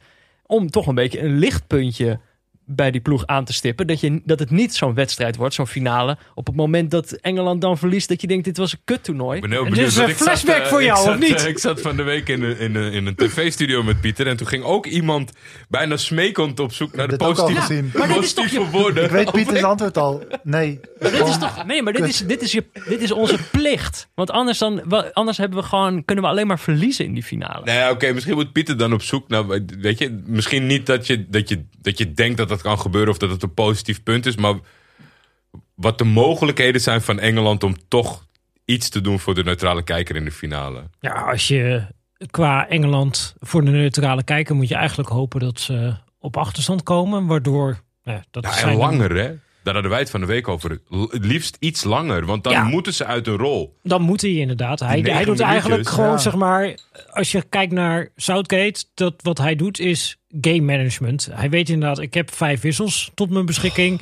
en game management. Ja, nee, dat ja, is, ik, ik zucht niet naar jou, maar meer naar de term game management. nee, ja, dat is, gewoon- eigenlijk denk ik. Wat is dit dan? Wat is dit? Ja, Ja, dat is dat in de gewoon- kern dat je gewoon kijkt van oké, we gaan eerst even niet? beginnen. We gaan even geen risico nemen. We Hoe gaan eerst even denken vanuit eh, hoe zorg ik ervoor dat ik sowieso geen tegendoelpunt krijg. Dan Mhm. wel door de bal 2,5 minuten rond te tikken tegen 10 Denen eh, zonder dat ik hem kwijt kan raken. eh, dan wel door gegroepeerd in te zakken op eigen helft. En dan nou, eens even kijken wat de tegenstander doet, waar de ruimtes gaan ontstaan. En dan op een gegeven moment, na 70 minuten, als een beetje moe zijn, dan kan ik misschien een keer permitteren om Jack Grealish in te zetten. Maar voor die tijd toch zeker niet. Eh, en dus als jij Engeland spectaculair wil zien, moet je Engeland in een situatie brengen waarin ze spectaculair moeten zijn, omdat ze een doelpunt moeten maken. Ja. Dus voor de neutrale kijker eh, valt er niks anders te hopen dan dat Italië in deze wedstrijd op voorsprong komt. Maar terwijl ik dit zeg, weet ik ook dat Italië op het moment dat ze in voorsprong komen, dat ze ook meteen transformeren, al, à la minuut, van het nieuwe Italië naar het oude Ja. Italië. Ik zag dat zij, volgens mij in de laatste 20 minuten tegen België, België. 10 minuten voor elkaar gekregen Ja, dat die was ongelooflijk. vergaan waren door gewoon tijd eh, te rekken. Dus wat dat betreft, eh, dat, dat probeer je natuurlijk ook tegen Spanje meteen op die manier te doen. On-Italiaans. Maar probeer je dit eens voor te stellen. Dat dit gebeurt op Wembley. Ja. Dat, is, dat wordt dan wel Elke wedstrijd, op, elke wedstrijd op Wembley sturen ze een kwartier voor het eind zo'n groepje ongeïnteresseerde stewards langs het veld. Die dan Ja. voor, de Nu zijn vo- ze echt voor de nodig. vorm een beetje Ja, maar het wat publiek in moeten zei kijken. over, over game management, dat is wel een beetje de hele kern van hoe Engeland voetbalt, toch? Dat is een soort van PSV onder Hiddink en, en Alex. Dat soort betonvoetbal waarvan je weet, de nul is er. En als we scoren is het mooi meegenomen. En uiteindelijk eh, gaan we winnen. En zo voetbalt Engeland. En ik denk dat heel veel mensen dat gewoon gruwelijk irritant vinden. En de mensen die het leuk vinden voor Engeland zijn de mensen die meer kijken naar het sentiment van Engeland. Hè. Je gunt het. Ja, eh, dit was eh, de, de Arno Vermeulen insteek. Die zegt, ja, het verhaal is gewoon prachtig als Engeland het Ja, wint. tuurlijk. Maar ja, aan de andere kant, het verhaal kan ook heel lelijk worden. Hè? De, ze zijn net uit Brexit, of tenminste, ze zijn net Mhm. uit de EU gestapt. En mensen die hun gelijk gaan halen. Eh, je hebt zo'n politicus die zegt, ja, eh, ze eh, gingen op hun knie. Ik ga niet kijken. En die heeft dat volgehouden tot aan de finale. En die zei, nou, ik ga het uiteindelijk wel op livescore gaan kijken hoeveel het is geworden. Ik vind het hele sfeertje om Engeland heen. Ja, dat hele It's Coming Home. Ik snap dat mensen daar verschillende meningen over hebben. Maar het wordt wel een beetje te naar nationalistisch en Als het halen. Sorry? Als ze het halen. Ja, precies. En, en, en ook gewoon het hele verhaal van... Ja, het lijkt erop alsof zij voetbal hebben uitgevonden. En It's Coming Home, ik weet dat dat oorspronkelijk is begonnen als een grapje. Maar ik, ja, ik hoop toch niet dat het... Ja, echt- maar dat is, dat, eh, dat is dan steeds een soort excuus. Zo van, ik zag ook alweer Engelsen zeggen van... eh, oh, weten mensen eigenlijk wel dat dat toch ironisch is als we dat zingen? Ja, het zal maar dan dacht ik, maar- ja, Nou, dat, maar niet eh, 100% hè? Nee, tuurlijk niet. Het gaat toch net als met die vaccins. Deze ook heel stoer over dat AstraZeneca en Oxford en bla bla. Het is nou bijna verworden tot een soort van homeopathisch onzinmiddeltje. en nou hoor je ze er nooit meer over. En als Engeland de finale verliest, dan is het waarschijnlijk ook de schuld van Sterling. Eh, en is Ja, Southgate Een, eh, een halve tamme. Dus zo, zo snel gaat het eh, waarschijnlijk eh, ja, wel mis voor Engeland, hoop ik. Oké, ik heb toch een... eh, als, ik, Anti-Engeland. als ik naar mezelf kijk, wat ik hoop... eh, dan is dat denk ik... Dan hoop ik denk ik toch... Voor het verhaal is denk ik het allerbeste... als het Emerson Palmieri is... die een doelpunt gaat maken in deze finale. Ja, en dan zijn middelvinger opsteekt naar eh, Chelsea. ja nou dat zou, en dat dat zou leuk. Ja, dat, ze, dat hij dat shirt eh, gaat verbranden op het veld. Nou ja, nee, maar dat, dat, dat Maar zou... het is wel kut, weet je. Heb je gewoon 96 minuten je best gedaan voor je land. Is het gelukt om Spanje voorbij te komen. Gaan ze allemaal dat shirtje ophouden van je concurrent. Het is gewoon niet leuk. Je hebt toch ook gewoon je best gedaan? Nee, het is doe, voor dat hem even, doe dat even natuurlijk. apart. hij Ja, scoorde als hij bijna. doucht. Hey. Ja, zeker. Ja, bijna dat is twee keer. Ja, Dus het Ja. kan wel. Het kan wel gebeuren. En eh, inderdaad, de de andere hoop is inderdaad van... mocht Engeland het dan winnen, laat ze er in ieder geval keihard voor werken... en afstappen van die behoudende, eh, behoudende insteek. Maar als je puur als neutrale kijker, wat maakt voetbal nou leuk? Het drama, het spektakel. Mhm. We weten allemaal, het meeste drama ga je krijgen als Engeland verliest. Dan Ja. heb je gewoon een vol stadion, vol met mensen. Dus het is waarschijnlijk geen enkel, ja, misschien een paar Italianen die, ja, hè, Die daar wonen. Ja, die, die hebben het zwaar. Maar de Engelsen die gaan compleet over de rooien. Eh, spelers gaan huilen. Eh, het publiek gaat huilen. Dat zou voor de neutrale kijker het mooiste toetje Ja. zijn. Dat het 90 minuten spannend is. En dan een verlenging met, met misschien twee goals. hè, 2-2 in de verlenging. Dat gaat natuurlijk niet gebeuren. 1-1, Dan een- 2-2. Dan een dramatische penaltyreeks. En dat dan Harry Kane, dat zou mij heel veel plezier doen. Ja, mij Eh, ook. De winnende penalty gewoon mist. Maakt niet, maakt niet eens uit hoe. Eh, dat Italië dus wint. En dat je dan die shots krijgt van het publiek. En het komt niet thuis. Het is klaar. We hebben uiteindelijk ons weer eh, g- ja, ge- Gek laten maken. aan ons, aan ons falen. Ja, maar dat, het, dat zou het mooiste zijn. Nationale trauma nog eens bevestigd. Ja, Doordat- van- daarna gaan ze nooit meer een penalty Zes- maken. 66 years, wat zei die man? 66 years of hurt. Ja. Die was die commentator. Ja, maar eh, het mooiste is dan ook nog als ze op een gegeven moment het doelpunt lijken te maken. En iedereen, Dat die het afgekeurd- hele stadion, dat hij afgekeurd wordt omdat hij net niet over de lijn Dat- is. Dat het dan bevestigd wordt door dat, zich herinner- ja, dat, dat zou toch ook wel echt een cirkel rondmaken? Een hele lichte overtreding van Calvin Phillips die rood. Via de VAR. Nee, Oké, maar, als uiteindelijk- iemand de held mag worden van Engeland dan? Ik moet jullie echt pushen. Dan Sterling. moet het Sterling, Sterling, zijn. Sterling, Ja. Sterling, Sterling, tuurlijk. Dat is de enige die... Kijk, ik, ik ben ook wel eh, wat breder maatschappelijk betrokken, probeer ik dat te zijn. Dan lees je nu allemaal artikelen van hoe het zou zijn als Engeland dan zou winnen. Liever En voetbal en maatschappelijke dingen ge- gescheiden houden, alsjeblieft. Nee, maar of Engeland, dan weer, of Engeland dan weer samen zou komen en dat alle Brexit-problematiek... Nee, natuurlijk niet. Nee, want dan denk ik... Judas, eh, eh. weet je, ja, dat ook. Maar ook Frankrijk, die werden in 98 wereldkampioen met een vrij gemixt elftal. En daarna, volgens mij een half jaar later, werd Le Pen eh, de grootste in, in Engeland. Dus ik ben... Ja, in dat ben opzicht... de grootste in Engeland. In Oh, sorry, in Frankrijk. In Frankrijk. Ja. Eh, dus in dat opzicht zou ik me daar niet te veel op focussen. Maar het zou wel gewoon voor eh Hey, Sterling... voetbal, voetbal verbroederd, 100%. Ja, maar maar voor, dat dit- voor een heel korte tijd. Voor twee weken tijd, ja, Ja. precies. En, maar ik hoop dan in ieder geval voor Sterling dat hij het mannetje is. Eh dat heeft hij natuurlijk al... Ja, maar dan, kunnen ze ook, dat, dat, dan, dan is er geen ruimte meer. Omdat het trofee is zo groot. Dat als hij de- de man of the match is en een winnende maakt. Het lijkt mij toch wel onmogelijk. Om zelfs voor die. Nou ja, aan de andere kant, we hebben het over vuilnisjournalistiek. Je hebt het over de Sun. je zag het volgens mij zelfs bij Sakka alweer gebeuren dit toernooi. Toch? Dat, Ja, hij, dat hij een huis voor zijn ouders had gekocht. En Ja, dat daar eh, een soort van stennis over werd eh, geschopt. Ja, maar het ding is, ik, ergens hoop je dat omdat het zeg maar zo groot is in hun eigen hoofd en sinds 66 en zo, dat als dan Sterling de winnende maakt, dat dat, dat geen ruimte biedt. Maar aan de andere kant denk ik, het is het internettijdperk. Even, Ja. Ik begon zelf over het maatschappelijke plaatje, maar even los daarvan. Hij is toch ook gewoon de speler die het meeste heeft bijgedragen aan Ja, het succes. Absoluut. Gewoon, hij is eigenlijk de ster. Dat is misschien niet super spectaculair. Maar ik heb hier geen data bij, sorry Pieter. Maar ik denk wel dat hij Ja, betrokken goed is in ieder mij, geval bij de... eh. me- Hij en Harry Kane. en Gaf ik hij denk niet dan- ook de assist op die eerste goal van Harry Kane? Dus dat hij Zeker. zelfs, hij Ja, heeft zeker. Harry Ja, Kane ja, in het zadel geholpen. Ja, ja, En dan ben je echt goed. Hè? En Als hij heeft die Harry Kane kan laten penalty, scoren. die penalty waar Harry Kane uit scoort, komt ook via hem die eigen goal. Ja. Daar, daar staat hij bij die tweede Ja. paal, waardoor zij die eigen goal maken. Ieder, ieder doelpunt van Engeland kun je terugkijken. En in principe begint alles gewoon bij Raheem Sterling. eh, die dingen voor elkaar En krijgt. vanuit een negatief aspect bekeken, hoop ik niet dat hij degene is die de beslissende penalty mist. Net Nee. zoals met Morata. Dat zou gewoon een, Dat is hartverscheurend. dat zou een ramp zijn. Eh, dan vat ik het als volgt samen.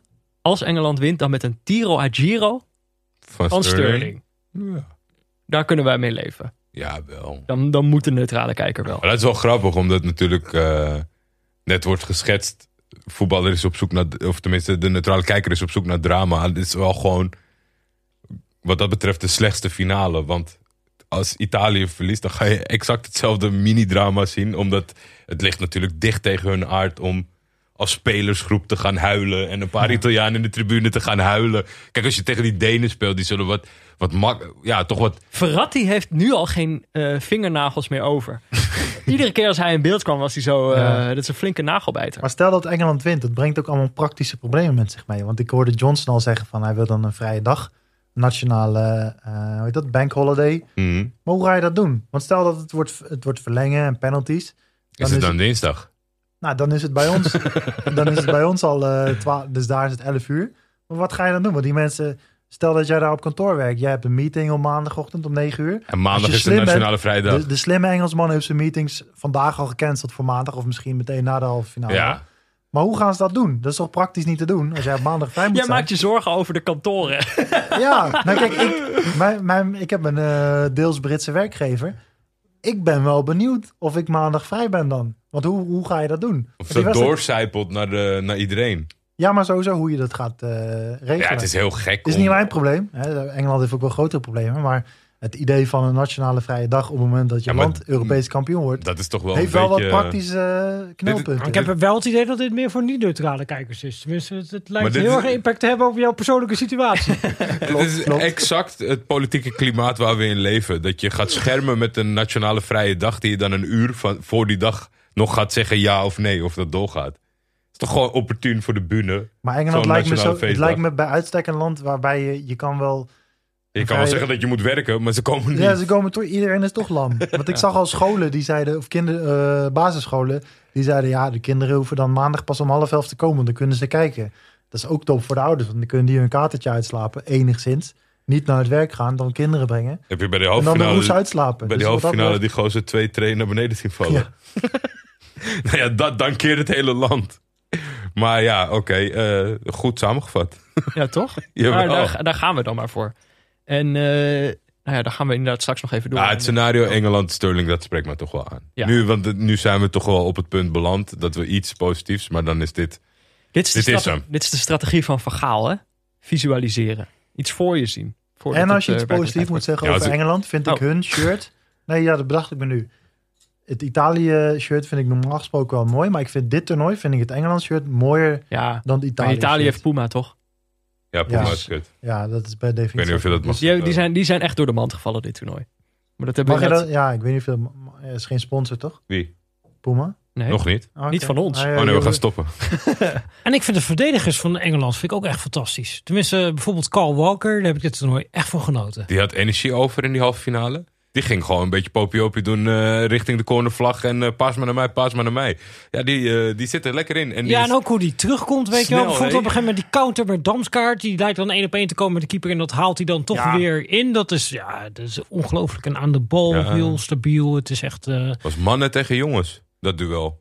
ja, Walker, maar- Damskaart. Ja, zeker. Het het is een hele, hele complete verdediger geworden, Walker. Maar sowieso, als je nu naar de Engelse verdediging kijkt, je ziet daar wel dat daar de afgelopen jaren, met name natuurlijk met buitenlandse coaches, dat daar wat gebeurt is, zeg maar. Als je, Dat de, ze daar wat geleerd hebben. als je de prototype Engelse verdediger pakt, zeg maar. Keon Adams. Ja, precies. Dat, dat is dan toch van, eh, geef de bal niet erbij, komen we naar voren en dan gaan we lekker duel spelen. En nu staat daar, nou ja, Macquarie, eh, sinds kort heb jij het ook ontdekt, dat het eigenlijk aan de bal een hele goede speler is. Nou, ik wil John wel Stones. voor mezelf even mezelf vrij. Ik had het al wel wat eerder gezien dan dat ik het daadwerkelijk hardop Oh, zei. kijk. En ik ben hem op een gegeven moment gaan waarderen. En ik ben het met je eens. Hij ziet er misschien uit als een stereotype Engelse verdediger. Maar dat is hij niet. Nee, alleen eh, als hij op Behalve als vakantie hij op is. vakantie is. Heel goed, Pieter. Lekker. Eh, maar eigenlijk wat we dan nog wel We moeten kunnen- visualiseren. Ja, als we, nee, maar als we iets kunnen vieren aan deze finale, dan is het dus eigenlijk dat die Engelse verdedigers minder Engels zijn geworden. En dat Italië minder Italiaans is geworden gedurende Mooi. dit toernooi. En Mooie dat ze allebei richting het, het goede zijn bewogen. Dus hoe dan ook. Maar als ik het dan... Kijk, ik heb nu iemand van Engeland heel erg gegund. Als ik dan iemand van Italië heel erg mag gunnen. Heb je iemand op dit toernooi gezien die meer plezier heeft op dat in het voetbal en in het Ja, toernooi dan ja, ja. Chiellini? Nee, ik heb dat nog nooit gezien, Die, denk die, ik. die speelt echt alsof hij bij wijze van spreken al heeft besloten voor zichzelf. Ik stop ermee. Eh, alles is mooi meegenomen. Eh, Ja, dat dat dit toch is mijn afscheidstoernooi. Bonucci die is de, de saaie huisvader is in dat duo. Dat, ik, ja, vijf jaar terug had ik dat denk ik niet helemaal aanzien komen. Nee, maar die, volgens mij was het tegen, ja, sorry, tegen Turkije of tegen Zwitserland. Dat ze best wel voor stonden al. Tegen Turkije ging je halverwege eruit, toch? Heb niemand doorgehad. Is het, ja, in ieder geval, er was een wedstrijd waar ze 3-0 voor stonden. Misschien was het tegen Wales, ik weet het niet. Sorry, dat soort Nee, dingen. tegen Wales, eh, dat was de derde groepswedstrijd. Toen heeft hij niet Toen meer was hij er niet meer. Toen was Nou, hij ergens, ergens... het hele verhaal gaat helemaal spaak. Maar ergens stonden ze zwaar voor. In de blessuretijd dan had hij nog een sliding die in principe er niet meer deed. Behalve dan dat het 3-1 Ja, ja, ja. ja, ja. of 2-1 of wat dan ook zou Mhm. worden in de allerlaatste seconde. En dat hij dan gewoon zo blij was. En, en dat had hij Ben je daar later nog. gevoelig voor?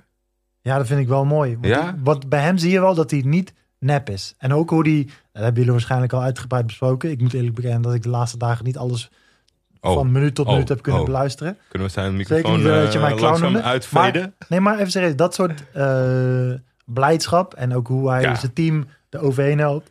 Je, eh, penalties, iedereen zit helemaal zenuwachtig te doen. En hij gaat een beetje lopen geinen. En in principe heeft hij die hele Alaba, of hoe heet die, Alba, Ja, koud gemaakt. Kapot bij- gemaakt. ja, bijvoorbeeld. En ik denk wel, je kan dat in. Het is, je doet dat het kan je misschien, niet faken. Nee, maar je doet het misschien ook te kort door, door alleen maar te zeggen van het is ook een slimme psychologische oorlogsvoering. Nee, het is dat is gewoon- het, maar het is ook inderdaad precies wat jij zegt.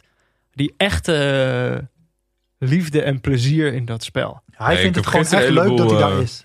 Een heleboel ballonnetjes doorgeprikt, maar deze ga ik niet doorprikken. Laten we gewoon ervan uitgaan dat hij oprecht is. Nee, maar ik denk wel dat... eh, hoezo zou hij niet oprecht zijn? Nee, nee, nee, maar daarom, ik, ik maak het punt ook niet. Oké. Maar gisteren... Eigenlijk wel. Nee, Zo- ja, nee, nee, ja, nee, ja, nee, nee, nee, nee, maar dat... dat, dat Dit is echt zoiets van, dat mag je eigenlijk niet zeggen in Nee, nee, Nederland. nee. maar Jordi heeft een geïnterpreteerd. wereldbeeld. Nee, maar gisteren was een paar dingetjes, weet je. Dan, dan zie je Sam Verhaal helemaal zo opleven in zijn energie. En, dan- Dit is helemaal, eergisteren, hè? Eh, Ja, oh ja, eergisteren. Emotioneel geraakt bijna. En dan denk ik, ja, dat, ja je, je bent nu een beetje in een, in een fabeltje getrapt. Maar dat eh, ga ik over Chiellini niet zeggen. Alleen, wat, wat ik wel gewoon moeilijk vind... Maar dat is meer hoe je zelf bent. Als ik zelf in een wedstrijd ruim voor sta, dan, ga ik, dan neig ik Als meer... ik zo... Nee, maar dan, dan neig ik toch meer dat, dat je emotie wordt. Want ik zit denk ik qua beleving niet zo ver van Chiellini af. Maar als het heel makkelijk gaat of je staat ver voor.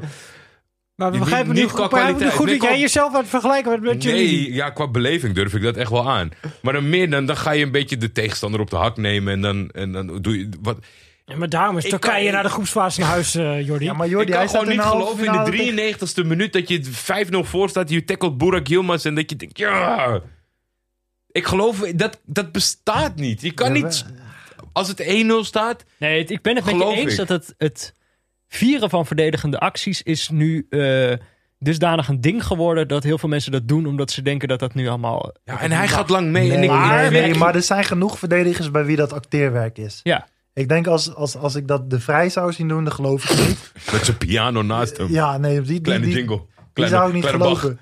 Maar bij Chiellini, Ja, ik wil het geloven, maar ik snap. Ik, weet je, ik, ik vind het altijd fijn als je er enigszins zelf soort van in de buurt kan komen. waarom of waar dat vandaan zou komen. Ik snap het niet, zeg maar. Als je. ja, maar ook even los van het, eh, of je het gelooft of niet. Alleen al het praktische element, de energie die het jou zou kosten om een sliding te maken. Daarna meteen door te bewegen, op te staan en een fistpump te doen. Dat is veel werk hoor, dat ga je niet acteren. Want dan zou je bij wijze van spreken al, voordat je die sliding in hebt gezet, moeten nadenken over wat ga ik hierna doen. Want dat heb je vaak met juichen, dat spelers eh, juichen dan die kant op lopen en dan de andere kant op lopen en dan een dansje gaan doen. Maar hij doet dat bij wijze van spreken In één, dit is een hele in één technische. Dit is een VI Pro artikel over het eh, juichen na sluiting van eh Chiellini. Hij beweegt meteen door. Welkom het bij is de niet- Blanke. Het is niet dat hij erover gaat nadenken. Dus daarom denk ik Ja. dat het oprecht is. We hoeven ons ook niet eh, te laten meezuigen in de cynische draaikolk van, eh, van Jordi. Hè? Een beetje een mogen gru- gewoon grumpy blijven- old man. Nee, ja, maar dat wil ik absoluut niet zijn. merk Maar ik kan dat die niet. nababbel met Arno heeft wel invloed op jou gehad. Ja, nou ja, misschien ben ik eh, toch zo na drie jaar meer NOS geworden dan eh dag en nacht. Maar dan als we het samenvatten. bij Italië. Nee, maar bij Italië. Dan zouden we het liefst zien dat. Kijk, ik zou, ze- ik zou bijna zeggen. Laat Chiellini dan de winnende maken. Maar dat is voor hem dus helemaal niet. Laat hem dan een hele goede verdedigende actie maken. Waarna hij mag juichen. Op een Is beslissend Sterling op de Ja. lijn Ja, wegtackelt. ja. Sterling klaar staat voor de Tiro a Giro. En dat dan Chiellini langs komt glijden en die bal tegenhoudt.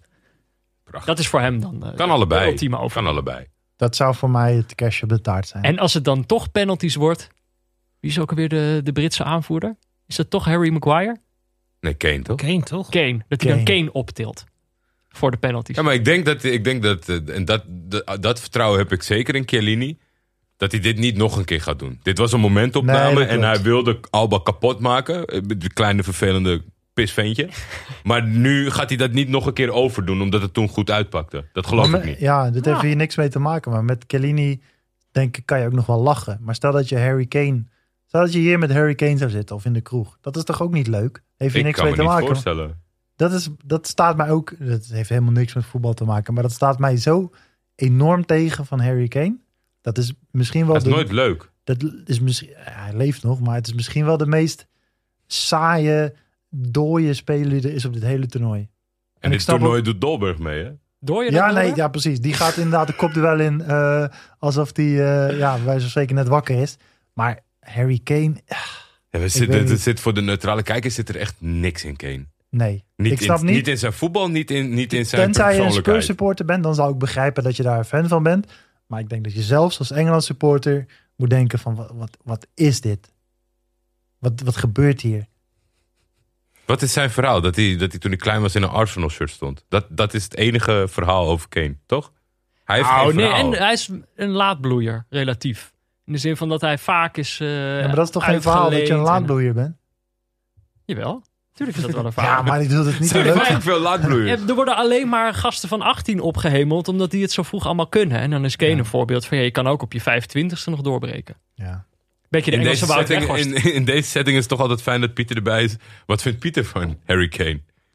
Harry Kane. Ja? Een positieve visie op Harry Kane. Een positieve Ja, nou visie op ga Harry je wel Kane. dwingen om dat nou, te ik doen. moet wel zeggen, dat ik, hij is wel een redelijk complete speler geworden, zeg maar. Toen hij net doorkwam, dacht ik, oké, ja, er zit een 16 leuk en ik kopt af en toe een balletje binnen. Dat is allemaal prima. Maar je moet natuurlijk wel een complete spits zijn, meevoetballen, et cetera, et cetera. Maar als je bijvoorbeeld Hij ziet wat, steeds dieper terug. nou ja, wat hij doet voor eh, die 1-1, eh, Engeland komt op de achterstand, wat doen ze? Ja, Harry Kane is degene die uiteindelijk opstaat en die zich op het middenveld aanbiedt en vervolgens de steekpaas geeft waarmee alles Schrok ik begint. van eh, die, die steekbal. Ja, maar dat heeft hij het hele seizoen gedaan bij Spurs. De hele tactiek was er op een gegeven moment op geënt. Van Harry Kane die naar het middenveld komt en dan steekpaasjes gaat geven op eh Son en de figuren die daar nog omheen stonden. Dus ja, in die zin heeft hij wel als voetballer ook echt een ontwikkeling doorgemaakt. Dus een ja, spits die ook steekpaasjes kan geven. Beetje Dus de P3 van Engeland. nou, bijna wel. ja. Een Zou je, met weergeloze Pedri in de spits. kroeg, zou je met Pedri in de kroeg willen zitten? Mag die überhaupt de kroeg Die moet inhouden? voetballen, Pedri, toch? Ja, die voetbalt alleen maar. Ja. Sorry, ik moet morgen naar de Olympische Spelen. Pedri, is die jongen, iedereen kent die wel bij zijn amateurclub. Dat als je een speler nodig had, dan wist je dat Pedri, die had al meegedaan bij het vierde en het vijfde en het zesde. En dan kon hij ook nog wel meedoen bij het achtste en negende. Ja, ja, Eh, als het- ja, precies. Die, die, die liep de hele dag in zijn tenuutje rond bij de club. Nee, is prima. En dan eh, schiet hij er ook nog een paar in. Ja. Maar ja, helaas, die staat niet in de finale. Nee, jammer voor hem. Beter. Ik, ik zie het wel voor me nu. Heeft hij nog een paar dagen rust? Dan mag je weer naar Tokio. Wat Eh, zie je voor je? 4-4? 4-3? 4-3 Italië? Chiellini de laatste, Hattrick Sterling. Ja, ik denk uiteindelijk, dat is natuurlijk iets wat je vergeet. Als je vraagt wat hoop je, dan ga je heel gauw zeggen, dan noem je een uitslag. Ja. Terwijl daar, wat daarvoor allemaal gebeurt is natuurlijk ook nog belangrijk. Je wilt het liefst een wedstrijd die een beetje heen en weer gaat. Dus eh, inderdaad, niet eh, een wedstrijd die 1-0 wordt en dan in één Nee. rechte lijn naar de, naar de eindstreep Je, doorgaat. je wil als kijker ook gewoon een beetje groots en meeslevend sterven, toch? Ja. Dat het echt voor jou was. Kijk, eh, ik denk dat bijna niemand, misschien Pieter aan deze tafel, neutraal is voor zondag. Toch? Jij bent niet neutraal, Jordi. Ik doe mijn Ik best. ga, ik ga ste- ik, ik, ik Nee, ja, maar kom je kan het proberen. Maar je kan niet proberen om neutraal. Je bent het of je bent het niet. Nou kan wel ja, je kunt- Ja, nou, je, Je hebt een voorkeur. een- ja. Ja, Nou ja, jawel. sorry. Ja, maar dat is heel gek, omdat het tegen mijn natuur ingaat. Want mijn voorkeur zou van origine voor dit toernooi bij Engeland liggen. Ja. 100%. Alleen nu gedurende het toernooi is hij geswitcht naar Italië. Dus misschien is het wel in balans. En ik doe nu gewoon heel erg mijn best dat ik op zoek ben naar een, naar een leuke wedstrijd. Maar Ja, maar dit is jullie Ik- ene laatste aflevering. Dus je kunt het neutrale kijkersaspect een beetje laten vallen. Jij Maar wil... ik kan heel makkelijk in een wedstrijd bijdraaien. Hè? Dat, dat weet jij ook. Er hoeft echt een, een piepklein dingetje te gebeuren. Als, als, als Chiellini, weet ik veel, zich laat vallen in de 16 meter... dan ben ik helemaal op de hand Zelfs van een Engeland. verkeerde fan om de tribune die lacht omdat hij eh Nou, op ja, de precies. schermen staat. en jij hebt alweer geswitcht. Ja, maar dan kan ik, dan kan- ik kan niet meer terugdraaien. Het was een Italiaan, toch? Ja. Die Italiaan die krijgt er 1-1 om zijn oren, vlak voor tijd. Die gaat in de camera, gaat die twee tuimpjes omhoog Ja, doen maar en dat lachen. is volgens mij meer gewoon een algeheel probleem van landsupporters versus clubsupporters. Ja, maar Die dan kan ik dan komen- even niet gewoon beredeneren. Maar dan die wedstrijd ben ik niet meer voor Italië. Zo makkelijk draai ik zo 180 graden de andere kant op. als, ik- die, als die er weer bij is, dan eh belooft dat veel goed voor Engeland. Ik, ik denk dat je kan zeggen van je hebt een soort van voorkeur, maar ik ben zo niet honkvast buiten mijn club, clubvoorkeuren dat het niet echt uitmaakt. Maar plus dat natuurlijk, als neutrale kijker hoop je op gewoon een leuke wedstrijd waarin zoveel mogelijk gebeurt. En ik denk wel, als je naar deze twee ploegen kijkt, dat er, dat er één ploeg is die dat wel wil en één ploeg is die dat Ja. niet wil. En dan, dan kan je dus als neutrale kijker, kan je ook bijna niet anders. En dat is dan toch wat er op het spel staat in deze finale. Wint de neutrale kijker of wint Garrett Southgate? Aan de andere kant, de neutrale kijker heeft al lang gewonnen. Dat is ook zo. Die heeft Afgelopen gewonnen op die, op, die, op die ene dag. Toen Ja. op de verjaardag van Gerno Roor hebben wij Ja. gewonnen. Moeten we nu mensen waarschuwen dat ze er zo lekker in zitten dat misschien wel de aftrap inmiddels heeft plaatsgevonden? Ja, langzamerhand wordt het toch, wordt het toch zaterdag. Druppelen de eerste, de eerste rectificaties van de aflevering met Arno al binnen. Heel Italië is afgehaakt vanwege corona. Dat is een gevaar, hè? Ik weet niet hoe dat nu zich gaat ontwikkelen. Maar iemand Code de- rood? Een paar mensen bij de eh RAI, die hebben corona. En eh, de man die de finale zou verslaan is al eraf gehaald. Want die is eh hoesten, ziek, zwak en misselijk. En Van, die- voor de Italiaanse tv. ja, en. Ita- en, en de Italiaanse ploeg is nu ook een beetje in paniek van... hé, hey, die mensen komen dat van perscentrum. Die houden natuurlijk wel afstand, maar ze gingen alles eh, desinfecteren. En die spelers zijn gevaccineerd, dus ze zijn niet, zijn niet echt bang, maar toch wel een beetje. Dus je weet maar nooit. Als iemand een keer eh Ah. à la Bert Maalderink een vervelende vraag Dit is dus precies iets wat morgen naar buiten kan komen. Ja, wat wij is nu die hele nog niet uitzending weten. verpest. Ja, Ik vind het- opnieuw. Ik vind het ook een enorm risico wat jullie genomen hebben. Zullen we nu nog gewoon opnieuw beginnen en doen alsof heel Italië corona heeft? Ja, de tweede aflevering. Nee, doordat we dit gezegd hebben, dan... Peter, ze hebben nog zeven spelers. Ik wens ze veel succes. Toch hoeveel? Ja, Maar dat Nou is, ja, ja, ach. daar gaat het nu niet over. Dat maar is, eh, de uiteindelijk tijd waar is we het in qua zitten. corona best wel meegevallen, dit toernooi. Ik had van tevoren Ja. meer eh, gedoe daarmee verwacht. Ja. Het is alleen zeg maar in de voorbereiding gedoe geweest. Voor Ja, ja, Spanje had- natuurlijk, Zweden, Ja, Schotland had tijdens het toernooi met eh, die eh, Gilmore. Gilmer en dat Engeland toen twee jongens. eh, Ik had bij het idee dat die Schotten er alleen maar beter van werden. ja, ja, maar niemand daarna is er echt in de problemen gekomen. Viel mee. Nou, dat is, dat is, dat is fijn, toch? Dat is, Daar zijn we blij mee. Zeker. Ehm, straks in niet-neutrale kijkers, we moeten nog even kijken waar we precies... Gaan we het over Nederland hebben. hebben en Turkije? Maar waarschijnlijk wel. Over Ajax, ik mis Ajax, man. Mag ik dat zeggen hier? Ik mis het echt heel erg. Oh. Nou, nee, Bestaan niet- niet. Hier mag je dat niet zeggen. Oh, in neutrale kijkers wel. Nee. of eh, niet neutrale kijkers. nou, daar, daar zijn, eh, ik bedoel, achter de Ook paywall mag is veel meer. voetbalclub. Nee, sorry, niet, niet specifiek Ajax, maar dan gewoon de eredivisie. Wat ik net al zei aan het begin. Ik mis eh, de, de voorbereiding Nee. en dat soort Nee, dingen. Knip maar, knip maar, knip Nee, maar. wat we Nee. gaan doen, we We moeten gaan het niet over de is een bruggetje. hebben. Dit is een bruggetje. Oh, Achter de paywall, jongens, gaan we daar verder over. Neutrale Kijkers is mede mogelijk gemaakt door Dag en Nacht Media. De hoofdsponsor op de borst is eh, Auto.nl. De muziek is Tachanka van Leon Lischner en Friends en een adaptatie daarvan van Studio Cloak. Eh, de artworks zijn het werk van eh, Barry Pirovano. Onze notenpartner is Sebbel, de beste notenbar van Amsterdam. Je kan daar voor de finale... waarschijnlijk nu niet meer.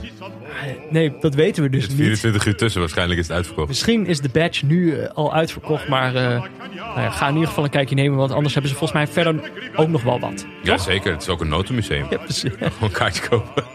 Lekker noten kijken, dat mag natuurlijk ook. Ehm, nou, en wil je meepraten? Dat kan. Je kan ons volgen op Twitter via @buurtvader of @defef. Je kan ons mailen op neutralekijkers.gmail.com of je kan een berichtje sturen via vriendvandeshow.nl slash neutralekijkers. Moeten de mensen daarmee stoppen eigenlijk als wij stoppen? Ja. We nodigen ze nu Ja. uit om tegen ons aan te praten op social media. Maar moeten ze daar dan mee stoppen? Als, wij, als, dit, als dit niet meer er is? Weet ik niet. Moeten we morgen, denk ik, in de aflevering morgen, moeten we daar definitief... eh, Pieter en ik beginnen een nieuwe eh, podcast. dus eh, al jullie volgers, kom lekker naar ons. eh, nou, we, Neutrale clowns. Ja. nou, we nemen deze twee clowns mee naar de wereld achter, Achter de paywall. Achter de paywall. En eh, tegen alle andere luisteraars zeggen wij... eh, tot morgen, de allerlaatste. Tot de finale. Tot na de finale.